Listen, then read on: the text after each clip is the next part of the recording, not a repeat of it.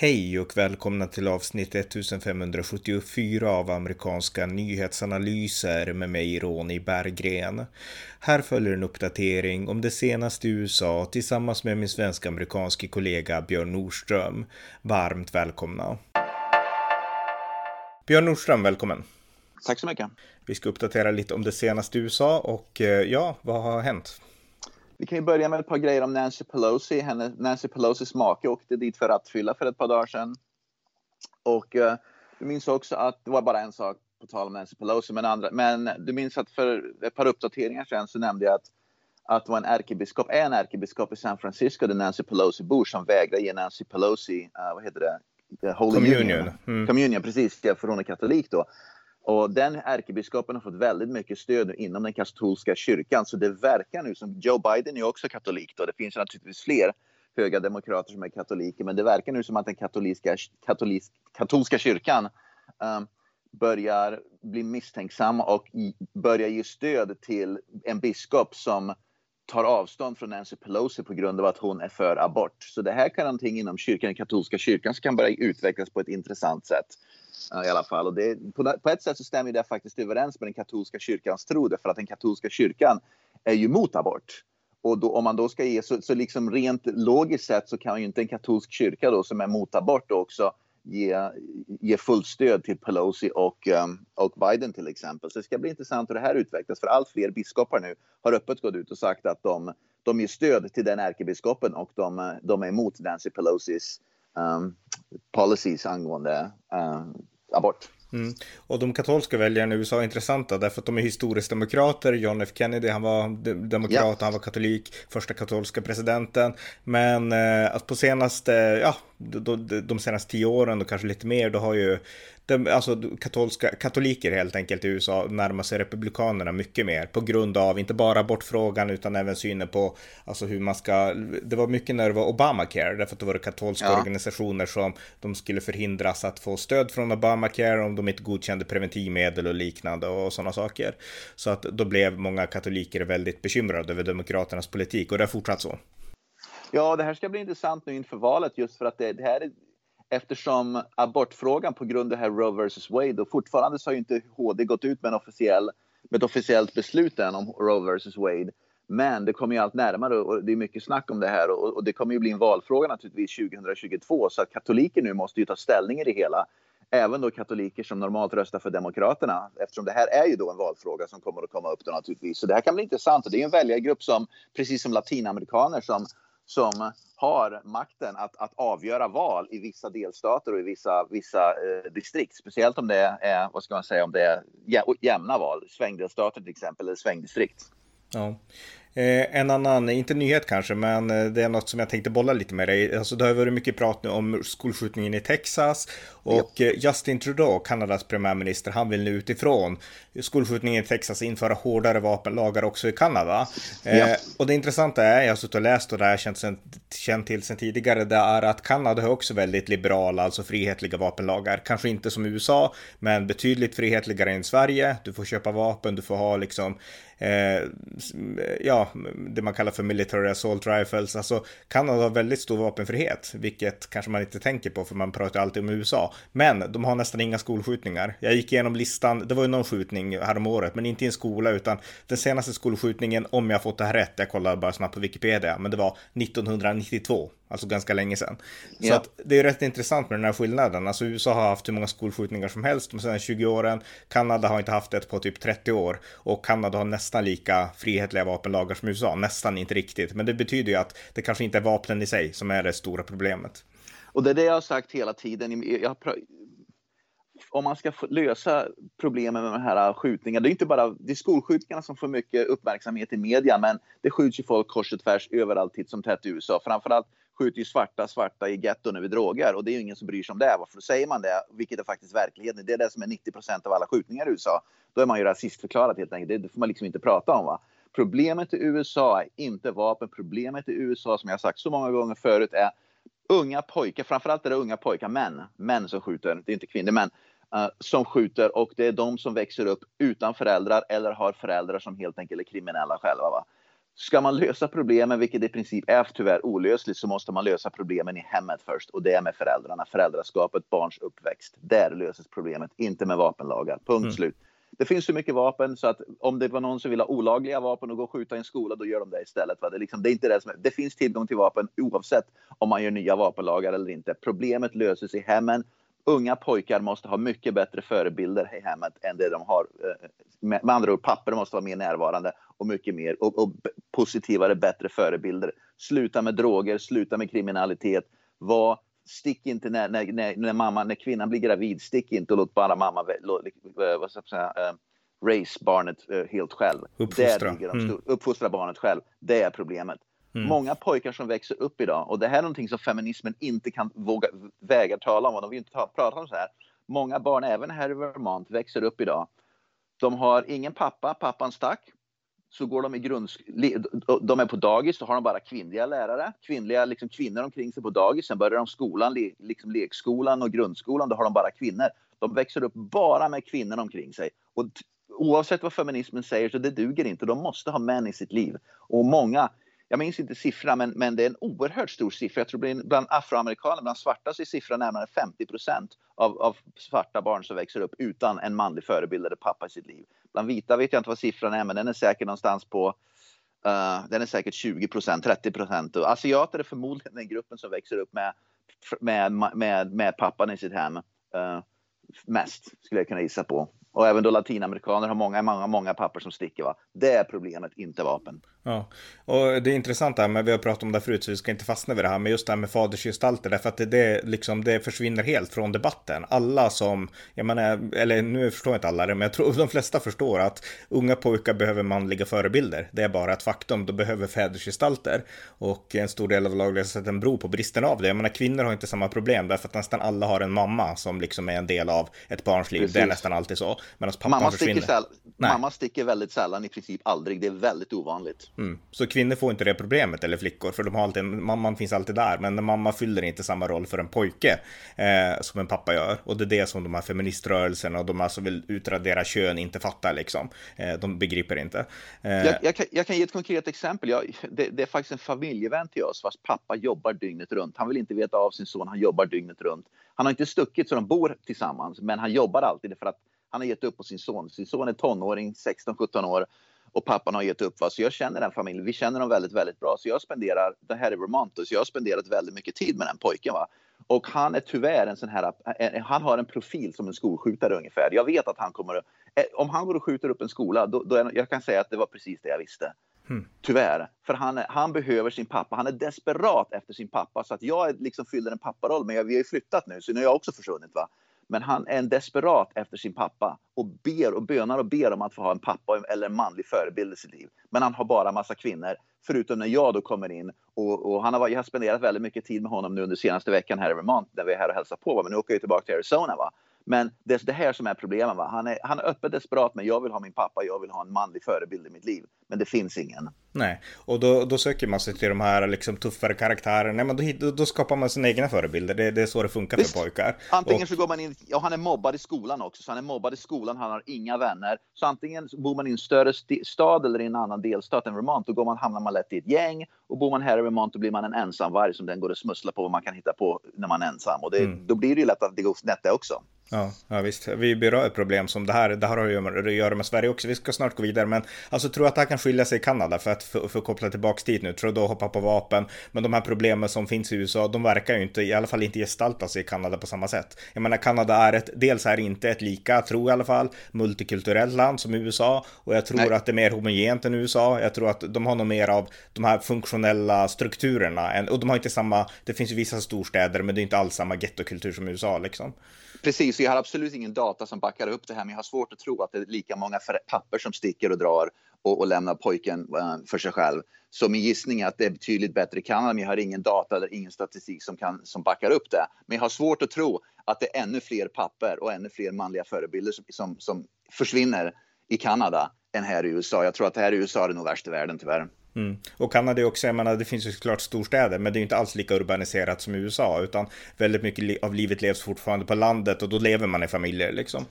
Åker man till, jag menar, jag, jag har ju varit, spenderat mycket tid i Montreal som en kanadensisk storstad och även en del tid i Toronto som en storstad. Va? Men det är inte alls samma gettokultur. Det finns väl små getto, men det är inte alls absolut. Det går inte att jämföra till exempel Montreal och Toronto med New York och Los Angeles och inte ens Phoenix. Det är, liksom, det är, det är inte samma gettokultur helt enkelt. Va? Det, det är någonting annat. Kanada är ju lite mer av Europa.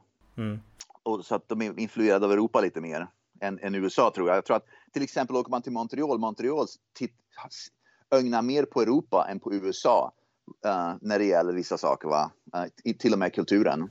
Ja, eh, jag håller fast vid ämnet lite till därför att jag läste en artikel i i Sydsvenskan var det idag. Och då var det en kvinna, hon är svenska, hon heter, eller hon heter Rakel Shukri, men jag tror att hon är, hon, nej hon heter Catherine Durs heter hon, hon har bott i, bott i USA, nu bor hon i Sverige, hon har barn i USA, hon skriver att hon är väldigt, alltså i USA så behöver man alltid vara rädd för att liksom det skulle hända en skjutning, det behöver man inte i Sverige. Och sen skriver hon massa om, det här är en ganska woke artikel, alltså att ja de här vapenlagarna det beror på att USA är ett rasistiskt land och liknande, yes. alltså driver på den väldigt mycket åt det hållet, men Eh, nu tappade jag tråden, jag tänkte dra det till Kanada, men, men nu har jag glömt vad jag skulle säga. Men, men Kanada är inte, alltså, ja, åter, äh, nu tappade jag tråden, men Kanada har en annan kultur helt enkelt. Ja, absolut. Eh, Kanada tror jag att det, det, finns ju den här jaktkulturen, så det är många kan. Man har ju vapen för man går och jagar och sånt där. Men för att prata om det här med vapen, glöm skolskjutningar fem minuter och bara prata om att det här grova liksom, vapenvåldet som sker på gator och torg. Va? Det kan man ju ofta koppla tyvärr faktiskt till, till rap, rapkulturen. Mm. Rapkulturen här i USA, det vet vi, Tupac sköt, blev ju skjuten. Vad heter, han? Big, vad heter han? Biggie blev ju skjuten. Hur många rappare, skjut, rappare skjuter? Det är som vi ser i Sverige nu med, va? att det är somaliska rappare i Sverige som skjuter varandra, vad det nu var. Med allt det där, va? Den kulturen har ju liksom skapat, en, en, det är en våldskultur. De sjunger om att skjuta poliser, de, de rappar om att sjung, skjuta varandra, skjuta ihjäl varandra, skjuta ihjäl poliser, skjuta ihjäl allt och alla. Va? Så den rapkulturen, jag, jag törs påstå att den är faktiskt en stor orsak till det här vapenvåldet som har skett. Mm. Nu minns jag frågan som jag skulle ställa. Hon skrev att hon var rädd och att hon var rädd att det skulle hända saker, alltså med skjutvapen i USA. Den rädslan har hon inte i Sverige. Men min fråga är alltså, eh, för jag kan tänka mig att vissa föräldrar är säkert jätterädda för sina barn i skolmiljöer och sådär, men eh, andra är inte. Men eh, det finns också stadsdelar i liksom storstäderna i USA där man i alla fall förr undvek att gå omkring i dem, alltså som vanlig turist och så, både i New York och Chicago och liknande. Eh, den slags rädslan som ändå vissa, inte alla, som ändå vissa kan känna i USA. Känner man den i Kanada? Det var dit jag ville komma. Nej, jag gör inte det. Jag menar, om jag går omkring i Montreal, jag har ju spenderat enormt, jag bor så nära Montreal, så det var här i Vermont, när jag bodde i Vermont, så var Montreal den närmsta staden, storstaden. Och jag känner mig aldrig rädd, inte ens på natten när jag åkte, när jag åkte tunnelbana i Montreal var jag aldrig rädd på natten, när jag promenerade omkring på natten var jag aldrig rädd. Nu gick jag inte i kanske de sämsta stadsdelarna, va? Men jag fick in, man får inte samma känsla när man är där. Åker man till Boston, eller New York eller Phoenix på natten, då måste man nog passa sig lite grann för vart man är och när man är någonstans. Va? Ja, men det känner så, man även som amerikan. Om du som amerikan, du skulle känna det ändå om du åkte till New York eller Boston eller liknande, att nu här kanske jag inte ska gå, men du skulle Absolut, inte ha känt så. Ja, Okej, okay, men du skulle inte ha känt så i Kanada. Min, min erfarenhet av att vara i Montreal som jag spenderat otroligt mycket tid även på natten. På natten har jag aldrig känt så, nej. Mm. Och man ser även, man ser även tunnelbanan i, i Montreal i tunnelbana, den är hur ren som helst. Det är inte, liksom, inte, en, inte, en, inte någon graffiti eller någonting. Tunnelbanor i Boston och New York, bara där ser man ju, de är ju sönderklottrade av, allt, av liksom graffiti. Va? Så att man ser ju skillnaden där. Va? Jag tänkte också nämna den här personen som du skrev om, den här, när du pratade, nämnde just den här som skrev den här artikeln. Då. Hon pratar om USA som en generalisering. Jag är mycket säkrare, jag känner mig mycket säkrare i Burlington, Vermont och när jag är just nu än jag skulle vara i Örebro. I Örebro skjuts det ju mycket mer än i Burlington, Vermont. Va? Så när hon pratar om USA, hon liksom generaliserar ett jättestort land. Man kan inte jämföra till exempel Los Angeles med Pajala. Det går ju liksom inte. Va? Så, att, så att göra den jämförelsen, bara generalisera USA och Sverige, det är omöjligt. Va? Det finns stadsdelar i Sverige jag absolut inte vill gå in i. Och vi vet ju vilka de är, va? Rinkeby eller Rosengård eller Husby och sånt där. Va? Eh, Vivalla i Örebro vill jag absolut inte gå in i. Va? Det är livsfarligt där man går in. Så att man kan inte göra den jämförelsen på, på, på det sättet som hon gör. Det är omöjligt. Ja, det var en bra poäng också verkligen. Och på tal om massskjutningar, det här är ett ämne som är aktuellt, så vi stannar kvar i New York City. Det var ju en, jag tror att det var försök till en skjutning i en tunnelbana där bara för några dagar sedan. Ingen dog, men några vart skadade, eller för några veckor sedan. Och nu så vill, nu överväger New York att införa metalldetektorer i tunnelbanorna. Eh, men polisen är skeptiska i New York City därför att de säger att det här, det räcker ju inte med att man har liksom metalldetektorer, då behövs det poliser vid varje detektor som kan avväpna potentiell beväpnad person och det kommer kräva enorma resurser som vi inte har, säger polisen. Men eh, det här är ju intressant ändå, därför att New York har ju ändå väldigt strikta restriktioner på vapen och ändå händer sådana saker i New York, även i New York City. Precis, och det är det vi säger också att de, om du tittar på städerna där det skjuts som mest i USA, Detroit, Baltimore, Washington DC, New York, Los Angeles och så vidare. Och så vidare va? Det är de som har striktast, delstaterna och de städerna har striktast vapenlagar. Chicago har striktast vapenlagar och många av dem är även demokratiskt styrda. Och många ligger i demokratiskt styrda delstater och de är demokratiskt styrda städer. Va? Så ska man gå till roten av problemet så är det inte, så är det inte nödvändigtvis bara vapen man ska titta på. Man ska titta på vilken politik drivs det, vilket parti har drivit politiken de senaste 75 åren.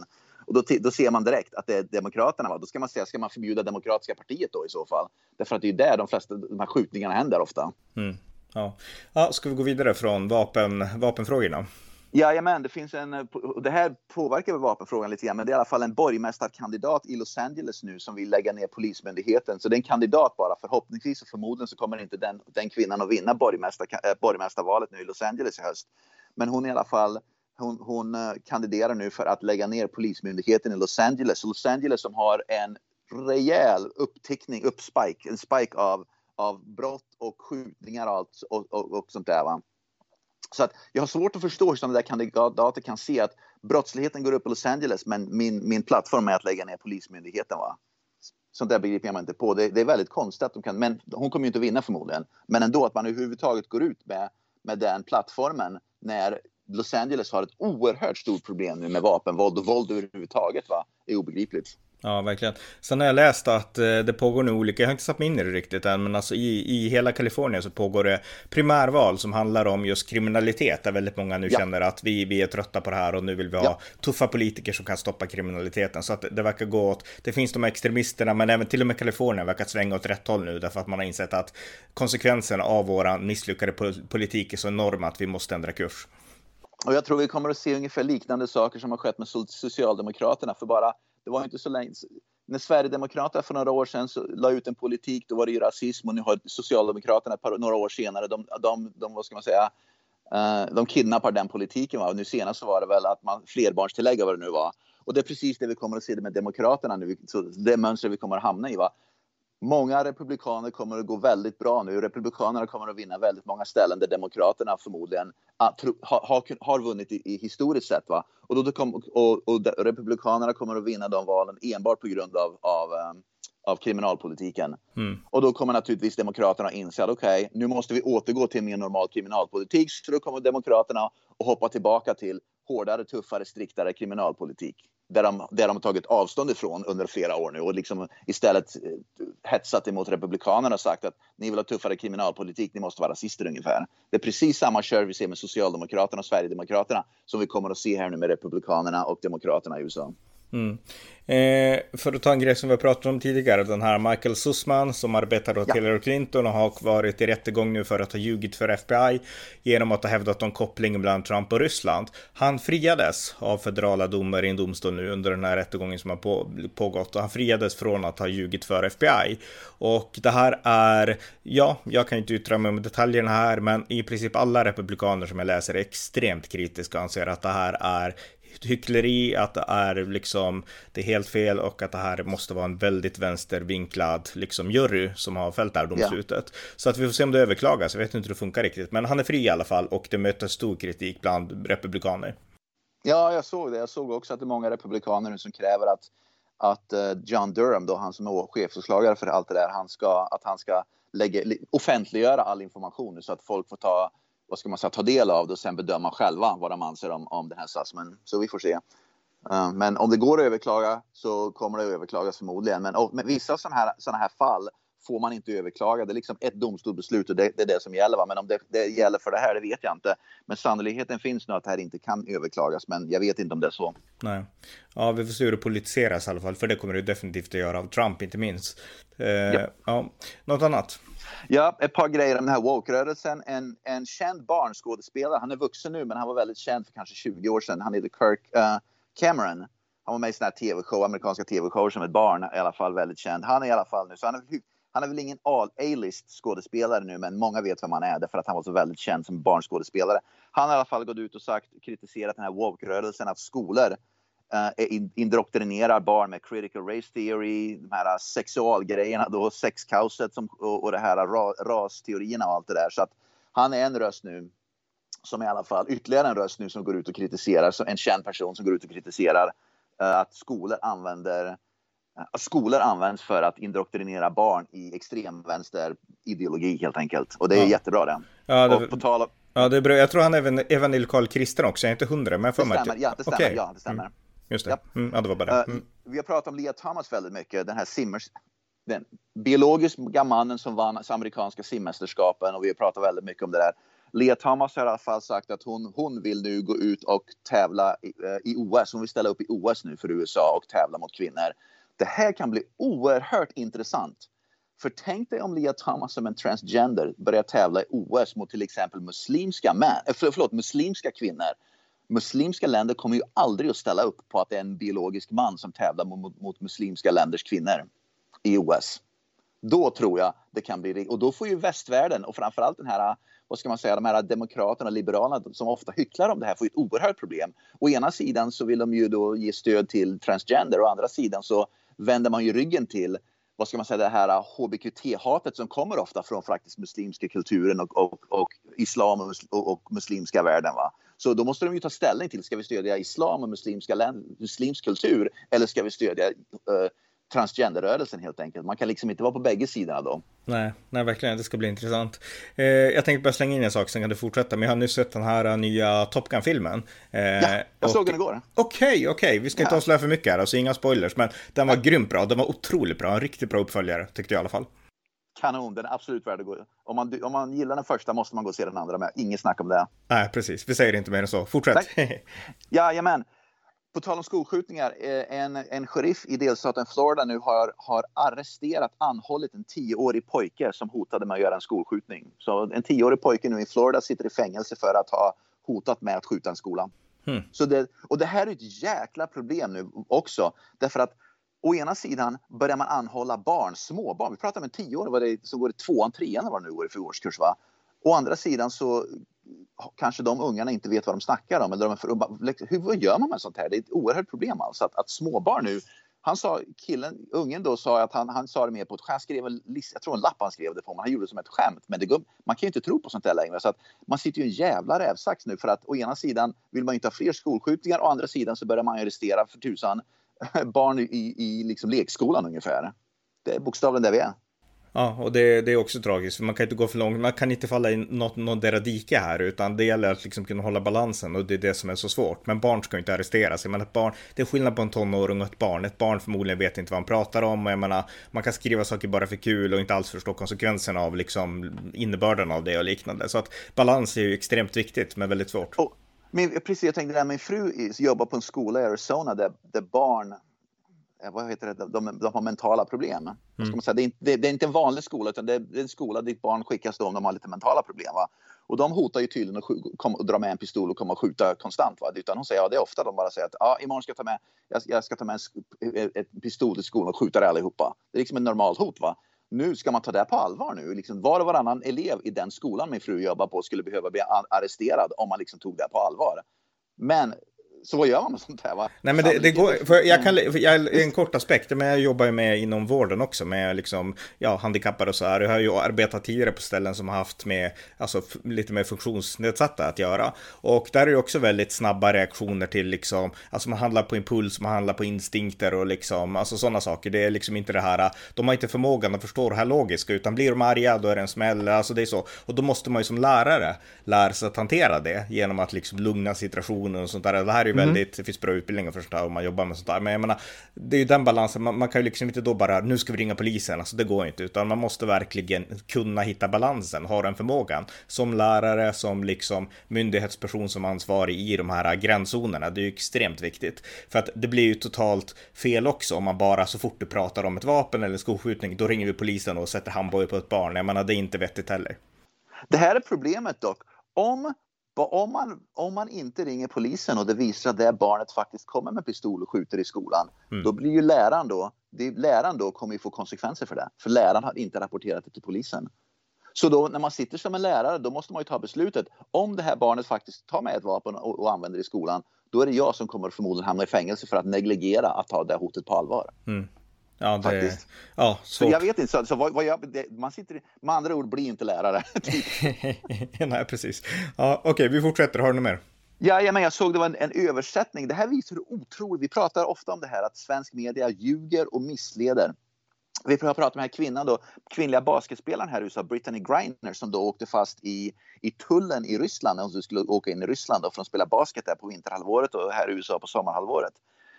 Och svensk, och hon då, enligt all amerikansk medierapport hade hon med sig större mängder, med andra ord large scale, större mängder av haschliknande olja, allt vad det nu var, vilket mm. förbjuder Ryssland. För bara ett par dagar sedan så skrev SVT en, en artikel om det att hon tog med att, att, att ryska tullen hittade spår av hascholja när all annan media, utländsk media skriver att det var stora mängder. Hela den här cartridges inte spår, utan, och det visar antingen hur inkompetens den här statsmedierna i Sverige eller att de bokstavligen ljuger för att försöka se se bättre ut än vad det faktiskt är. Jag tror så här, alltså tyvärr, alltså det viktiga här är ju att alltid hålla sig till sanningen. Det borde vara allas liksom, oavsett vad man tycker politiskt om A och B eller vilken, vad man tycker om vapen, vad man tycker om Ryssland, så prata sanning. Och eh, i förhållande till det här, jag, jag har inte läst så mycket om det här, men jag antar att det stämmer att hon hade ett ganska stort haschinnehav. Och stämmer det om man förringade det, då är det ju bara för att man vill svartmåla Ryssland. Och det finns goda skäl att vara kritisk till Ryssland på, egentligen på alla, i alla avseenden. Men man måste alltid hålla sig sanningen. Så att jag menar, man behöver inte överdriva eller liksom vinkla det, utan berätta som det är bara. Och sen så kan man själv som konsument, nyhetskonsument bedöma hur man vill förhålla sig till det, tycker jag. Precis, och jag tror också att det har att göra med hudfärgen. Brittany Griner är svart. Hade det här varit en vit så tror jag man hade... Sannolikheten hade varit större att man hade skrivit ärligt om det därför att man vill inte, vad heter det, uh, man vill inte göra stereotype av en svart person som har droger ungefär. Va? Och jag tror också att det, och tyvärr, man gör, all, man gör allihopa en björntjänst genom att helt enkelt missleda och ljuga om det här. Mm, verkligen, verkligen. Ja, något mer? Ja, jag har en grej till. Uh, jag såg att polischefen, du vet det var en massskjutning i staden Rochester, New York för inte så länge sedan jag minns inte detaljerna, men vi pratade om det i alla fall, du och jag, podden, för det var något år sedan, så jag kommer inte ihåg det exakta. Men i alla fall, polischefen där nu som gick igenom den massskjutningen, han har officiellt, det är en svart polischef, men det spelar, hudfärgen spelar väl ingen roll annat som vänsterliberala, men det är väl värt att nämna i alla fall. Han har gått ut och kritiserat Alexandra Ocasio-Cortez nu, att Alexandra AOC är, använder sig av de här massskjutningarna, även den i Texas, Uvalde, Texas nu, för politiska syften. Att hon, han säger rakt ut att hon splittrar, splittrar USA därför att hon enbart använder sig av massskjutningarna, i skol, skolskjutningarna i politiska syften. Och det där är någonting som vi faktiskt ser. Det ser man med vänsterliberaler och demokrater. De är mycket snabbare att politisera allt sånt här och göra politik av det och vända och vrida på det i politiska syften än republikanerna. Och det är fruktansvärt mm. att se det stora exemplet då som jag tror vi nämnde i vår senaste spår, Beto O'Rourke i, Texas, ja, han gick det. fram och bara höll på att liksom tramsa sig. Så att, eh, ja, nej, de, ja. total politisering från Demokraterna det här, de här allvarliga ämnena. Jag ser, säll, jag, ser sällan, jag ser sällan att Demokraterna eller vänsterliberaler bryr sig om barnen som blir skjutna. Det är omedelbara de börjar snacka om det är politik. Mm, verkligen, ja det är tragiskt. Ja, eh, det var allt jag hade också. Vi är klara nu eller? Hade du? Ja, det var allt. Perfekt, tack. Ja. Det var det senaste avsnittet från amerikanska nyhetsanalyser. Ni som har möjlighet får gärna skänka en slant till valfri organisation som bistår Ukraina. Enhet och solidaritet är Europas väg igenom dessa krigs och kristider. Det var allt för denna gång. Tack för att ni har lyssnat.